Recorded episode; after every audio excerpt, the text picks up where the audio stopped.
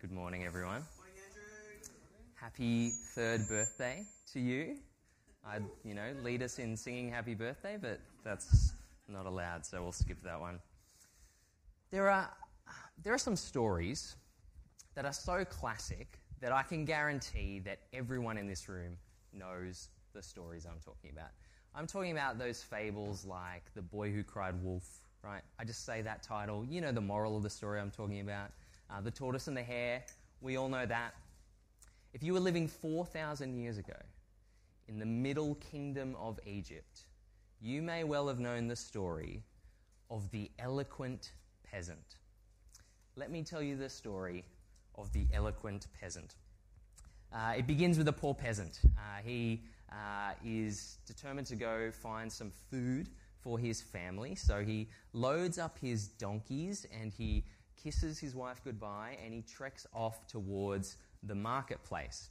Now, on the way there, he is spotted by a rich landowner named Nempty Nacht, which I think is the most amazing Egyptian name. I'm probably not pronouncing it right, but Nempty Nacht spots this peasant on the way, and he devises a scheme to steal the donkeys and the supplies of this poor peasant. You see, Nacht knows that there's a point where the path the peasant's on gets quite narrow, and on one side of the path is a river, and on the other side of the path is Nacht's fields where he's growing his grain. And so Nacht goes to that point of the path, uh, and he, he sets up a little obstacle there so that the, uh, the peasant isn't going to be able to get past, and he waits. And the peasant comes and uh, he sees Nacht there and this strange obstacle in the way, and he tries to reason with Nacht so he can get past. But while they're talking, one of the peasant's donkeys eats some of the grain.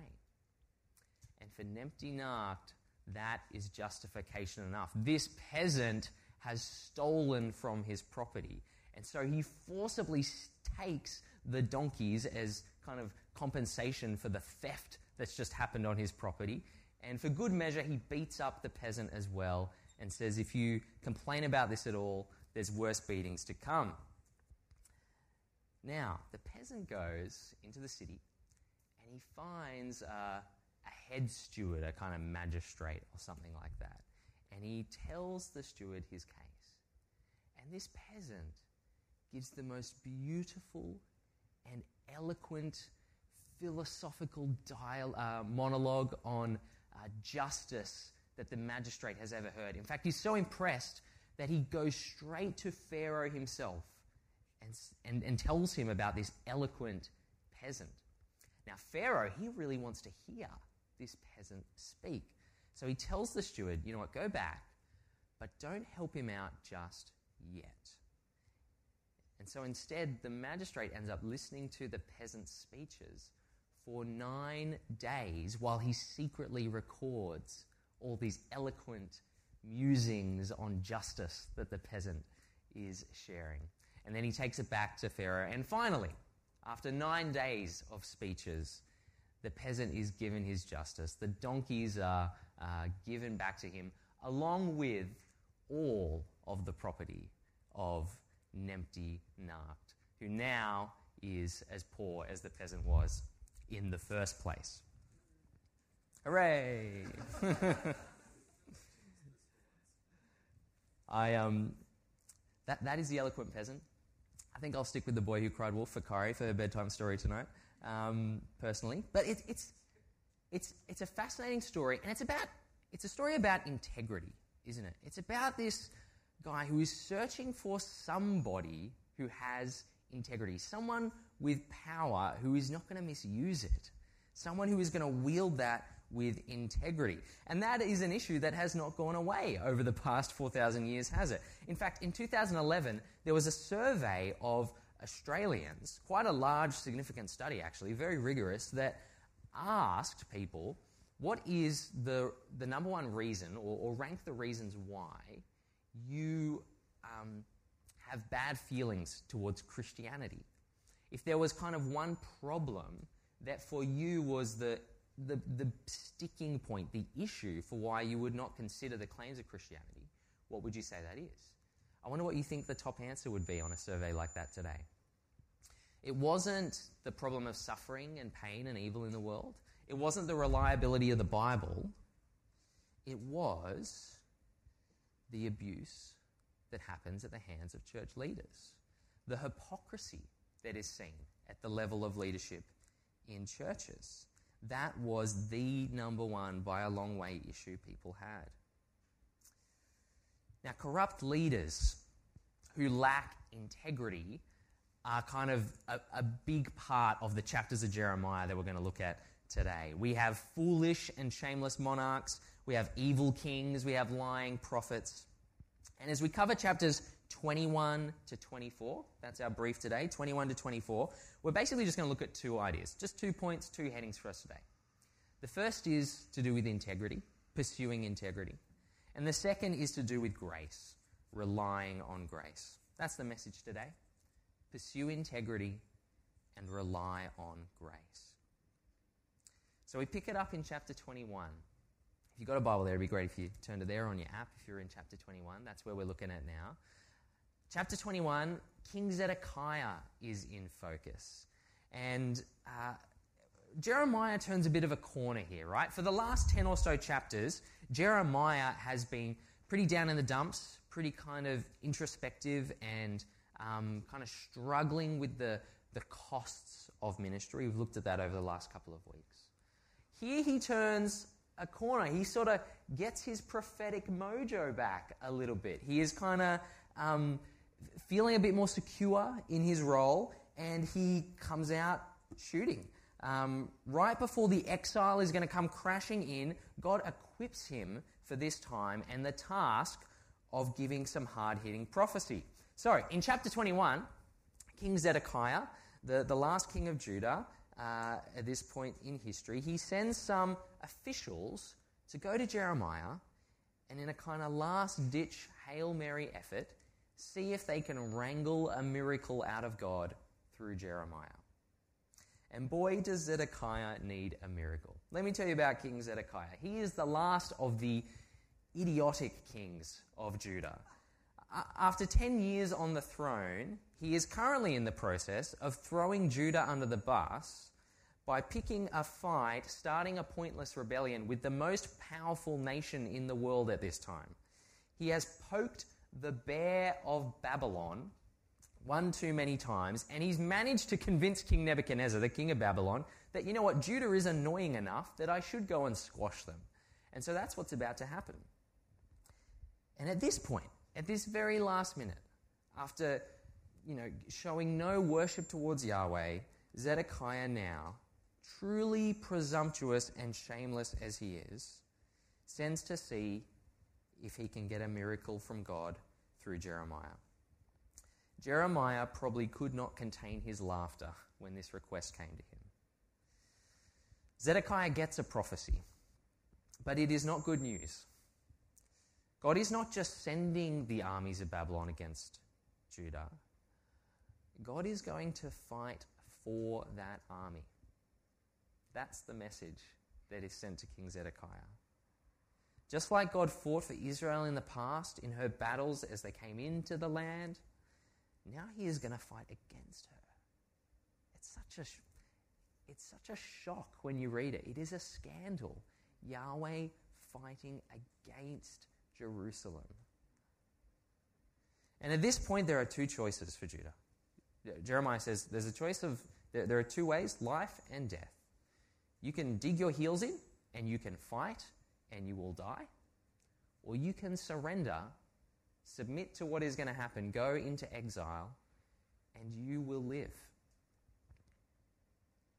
Now, in the next chapter, chapter 22, at this point, Jeremiah is not just responding to the king's officials, he is actually now in the palace. We've actually stepped a little bit back in time to one of the earlier kings. Jeremiah is not a chronological book always, it's arranged deliberately. And here we have all these bits about bad leaders arranged together. Jeremiah is now speaking to one of the previous kings. Um, and he goes and he bravely calls out the injustice they've committed. Uh, we read in chapter 22, verses 13 and 14 What sorrow awaits Jehoiakim, who builds his palace with forced labor? He builds injustice into its walls.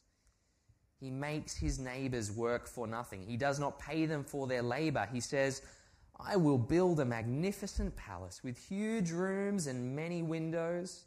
I will panel it throughout with fragrant cedar and paint it a lovely red. Good choice of paint. The wicked kings have exploited people to build themselves nice holiday homes. And it goes on in the next chapter, chapter 23. Uh, imagine this imagine the owner of a farm. Uh, he hires a shepherd to look after a particular flock of sheep in one of his pastures. He's a farmer with heaps of stuff going on. He's got a shepherd over here. He recruits the shepherd and he, he actually gives him written instructions on how to do his job. And he says, If you ever need help, come and speak to me. I'm very happy to help you out. He goes away and he comes back sometime later and he finds the sheep just in a terrible mess. They are scattered all over the place. One's stuck up in a tree over here, one's fallen in the dam. Half of them are dead. They're sick and they're being attacked by dingoes, whatever it is.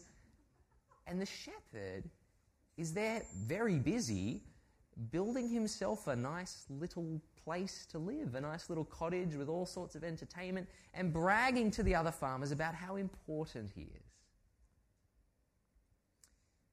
Chapter 23, that's the picture of God's leaders. Verse 1 What sorrow awaits the leaders of my people, the shepherds of my sheep? For they have destroyed and scattered the very ones they were expected to care for, says the Lord.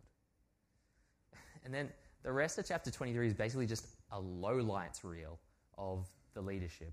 Um, there are prophets lying about receiving visions, deliberately lying. They, they've become so obsessed with sharing and interpreting and decoding one, another, one another's dreams, every dream they have. In fact, it gets so bad that God puts a ban on them saying the phrase, I've had a dream. It, it's multiple times there. God says, You're not allowed to say that anymore because it's, it's way out of hand. Some of the prophets have claimed to receive prophecies, get this, from other gods. Up in Samaria, they're prophesying through Baal, one of the Canaanite gods. It is spiritual adultery of the highest order. There is no integrity to be found in the leadership of Israel at this time. The situation is dire, and their, in, their injustice is very serious. It's not just corrupt, it's not just bad government, it's not just morally wrong. What does the Bible say to, to leaders of God's people, leaders of his people in the Old Testament, leaders of churches today, about the misuse or the abuse of power? He says it is repulsive, it is abhorrent, and he hates it. It is completely against everything he is for. In fact, he says to these wicked kings, do you think your big palaces make you big kings? Your father Josiah, who, who was a good king, Josiah gave justice and help to the poor and to the needy, and everything went well for him. Isn't that what it means to know me? says the Lord. Did you catch that? Isn't that what it actually means to know God? If you do not have compassion for those in need, then we do not know God. Jeremiah says a, a, few verses earlier in that same chapter, he says, Here's what you should have done, kings. You should have been looking after refugees in your, in your land. You should have been caring for orphans. You should have been caring for widows, for those in need. Now, these examples of their unjust leadership, they're, they're not just there to motivate us to pull up our socks on social justice issues. I think primarily they're there to point us to the, the better Messiah that was coming. All, all these kings are messiahs, they're anointed ones to lead God's people. But the Messiah was coming who would not have any of their flaws. But at the same time, the king of Israel was always meant to be a model Israelite.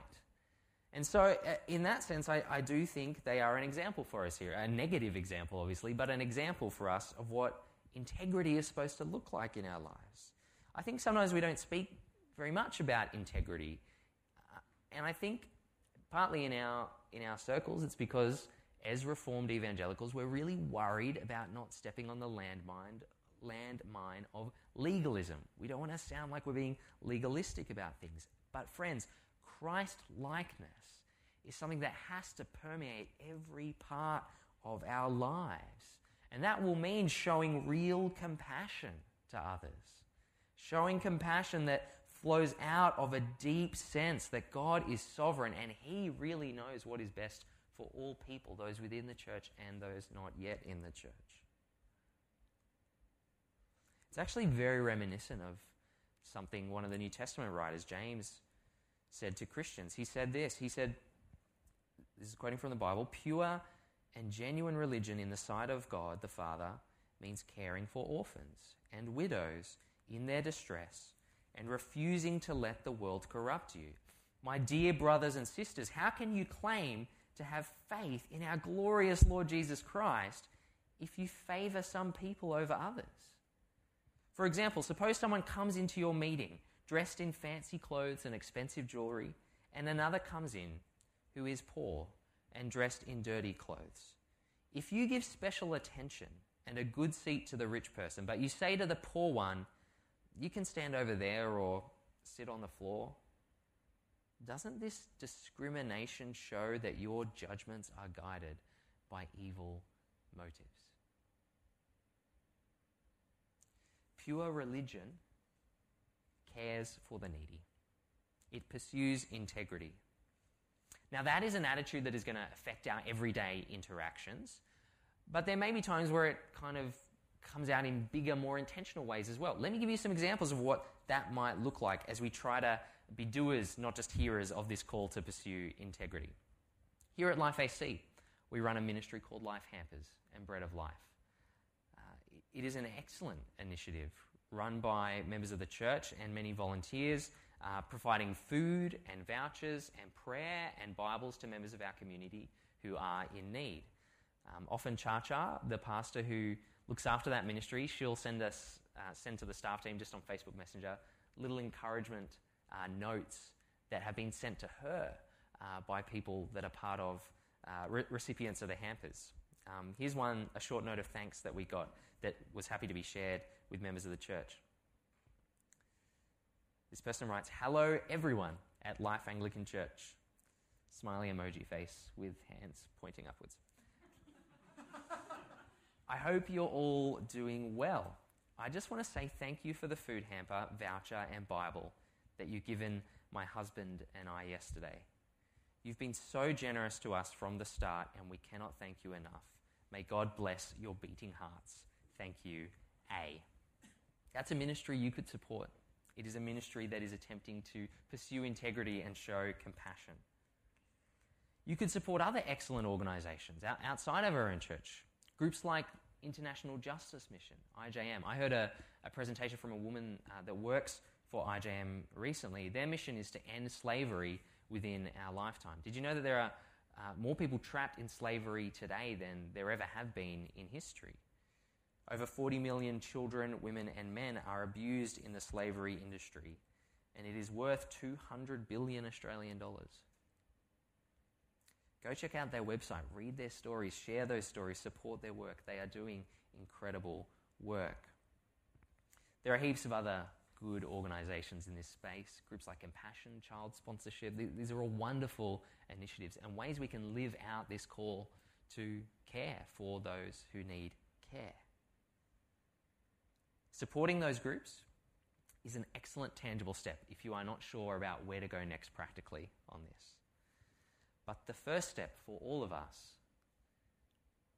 is to examine our hearts, to pray for those that are oppressed, to, to check our attitudes towards the poor, to, to check our thoughts and the way we talk about refugees. That is where the pursuit of integrity begins. So, we, we see in these chapters of Jeremiah the importance of pursuing integrity. And then we also see the importance of relying on grace. There are a few moments, just a few moments, but they're beautiful moments where grace just kind of peeks through. And I think it's starting to shine a little more fully as we as we've worked our way through the book of Jeremiah, we've had to kind of find the, the very small moments of grace amid the judgment prophecies. Here it kind of starts to shine just that much more strongly. Um, the armies in the exile, they're coming for Judah and her terrible leaders, but then we see these moments of grace. The first is hidden there in chapter 21, and I've kind of already mentioned it. God says, If you surrender to the armies when they come, you will live. There is a way for these people to live. Follow my instructions in this, says God, and you will survive. Entrust yourself to my plan. Step into my plan. Surrender to God's perfect wisdom. And even in this moment, when Jerusalem itself is about to be burnt down and all of its people are about to become refugees, even in that moment, there is salvation and there is grace. The next pops up in chapter 23, the, the bit that we had read actually, in those first few verses. In verse 3, God says, when those people are taken to Babylon, He's going to watch over them, He's going to protect them, and He's going to bring them back home one day. Verse 3 I will gather together the remnant of my flock from the countries where I've driven them. I will bring them back to their own sheepfold, and they'll be fruitful and increase in number. And then a famous verse follows just after about this righteous branch of David, some descendant of David, who, David, who is going to be a perfect, wise king, flawless in all the ways that the leaders right now are flawed. And he's going to save the people, says Jeremiah. This perfect king is coming. We know who he is, right? It's, it's Jesus, in case you weren't sure. And then, thirdly, there's this little chapter, chapter 24. The whole chapter, it's only 10 verses long. And the whole chapter is just one vision that Jeremiah receives. It's about fruit. There are two baskets. In one of the baskets, there's really good, delicious figs. And in the other basket, there's really rotten, disgusting figs. there's this great moment. God describes this vision to Jeremiah, and then he says to Jeremiah, Jeremiah, what do you see? And Jeremiah gives this incredible speech. He says, Figs. ding, ding, ding, you got it. The figs, God tells us, are a representation of two groups of people uh, Zedekiah and, and his officials, these cruel leaders, are about to be chucked in the bin. But the good figs, Listen to what happens to them. Chapter 24, verses 5 and 7. 24, verse 5. This is what the Lord, the God of Israel, says The good figs represent the exiles, the ones I sent from Judah to the land of the Babylonians. I will watch over and care for them. I will bring them back here again. I will build them up and not tear them down. I will plant them and not uproot them. I will give them hearts that recognize me as the Lord. They will be my people, and I will be their God, for they will return to me wholeheartedly. Wow. This is, is just like the promise that was right back in the first chapter of Jeremiah. This language of building up and tearing down, uprooting and planting. That's what was going to happen in Jeremiah. It's been happening. And now we see exactly what that, what that means. It means the people are going to be uprooted from their land, but then eventually planted back in it. And in uh, sorry, and and more than that, the, the big news here is there in verse 7. God is also going to give them new hearts. He's going to fix the problem with their hearts. How is he going to do that? In surrendering to exile, and in waiting for their restoration, waiting for their new promised king, in having their inner selves transformed, God is pouring out his grace on them. He's pouring out his grace on them. And they are all in this moment utterly reliant on God's grace. The only way they can go into exile is if they rely on God and, and trust that what he's saying is they, they need to throw themselves into the hands of the Babylonians at this point. It seems so counterintuitive, but it's what God has said and it's what they must do. And that is the only way they will find grace. That is what relying on grace will look like here. You see, real exiles, they, they lose everything. They are leaving behind everything at this point. And God gives them the grace to live for Him. You see, friends, the, the new covenant this covenant that Jesus initiated for us through his blood, it comes with batteries included. We are told to put our belief in him, and he gives us the ability to do so. It is God who regenerates our hearts and equips us to, the, to do the good works that he's called us to do. God empowers us and fixes our hearts.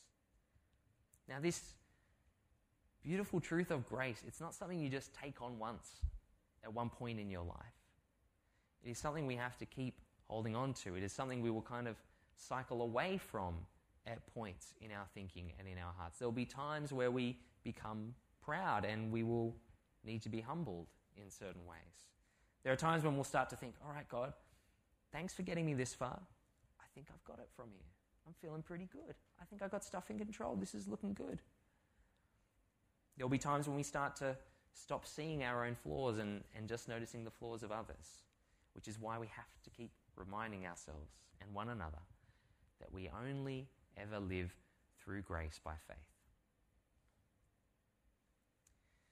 In the end, God shows these rebellious Judeans and it's what He has wanted for them all along. That longing and that grace for rebels, it reminds me of um, a very short story I read once. I'm going to share this with you just to finish. Um, this was written by um, uh, Philip Yancey. Yancey writes this. He says, Not long ago, I heard from a pastor friend who was battling with his 15 year old daughter. There were several nights that she had not come home at all, and her parents had tried various forms of punishment to no avail. The daughter lied to them, she deceived them, and she found a way to turn the tables on them. It's your fault for being so strict. My friend told me, I remember standing before the plate glass window in my living room, staring out into the darkness waiting for her to come home. And I felt such rage. I really wanted to be like the father in that prodigal son story, but I didn't feel like that. I was furious with my daughter for the way that she would manipulate us and twist the knife to hurt us deliberately. And of course, we knew that she was hurting herself just as much. And I understood then the passages in the prophets expressing God's anger. The people knew how to wound him, and God cried out in pain. And yet, I must tell you, when my daughter came home that night, or rather the next morning, I wanted nothing in the world so much as to take her in my arms, to love her, to tell her I wanted the best for her. I was a helpless, lovesick father. And Yancey says, Now when I think about God, I hold up that image of a lovesick father, which is miles away from the stern monarch I used to envision. I think of my friend standing in front of that plate glass window, gazing achingly into the darkness. I think of Jesus' depiction of that waiting prodigal father, heartsick, abused, and yet wanting above all else to forgive and begin anew and show grace and announce with joy this my son was dead and is alive again. He was lost and is found.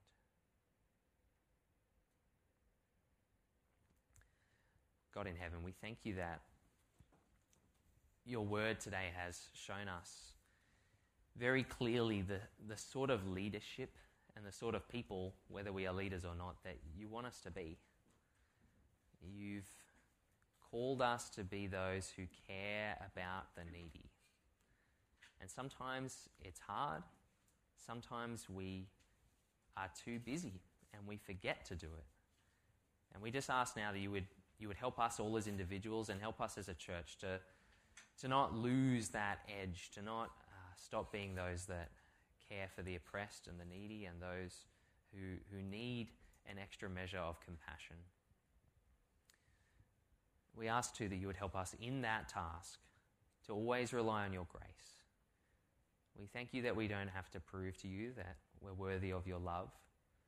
We thank you that you've saved us by grace. That means we don't have to work our way into your good books. But even when we are as rotten as rotten can be, you extend to us that arm of grace that says, Submit to my will and my plan, and you will find forgiveness. We thank you that that grace is there again and again and again for us in Jesus. Help us to trust it and grasp it, especially when we forget it. Help us to pursue integrity and rely on grace. Amen.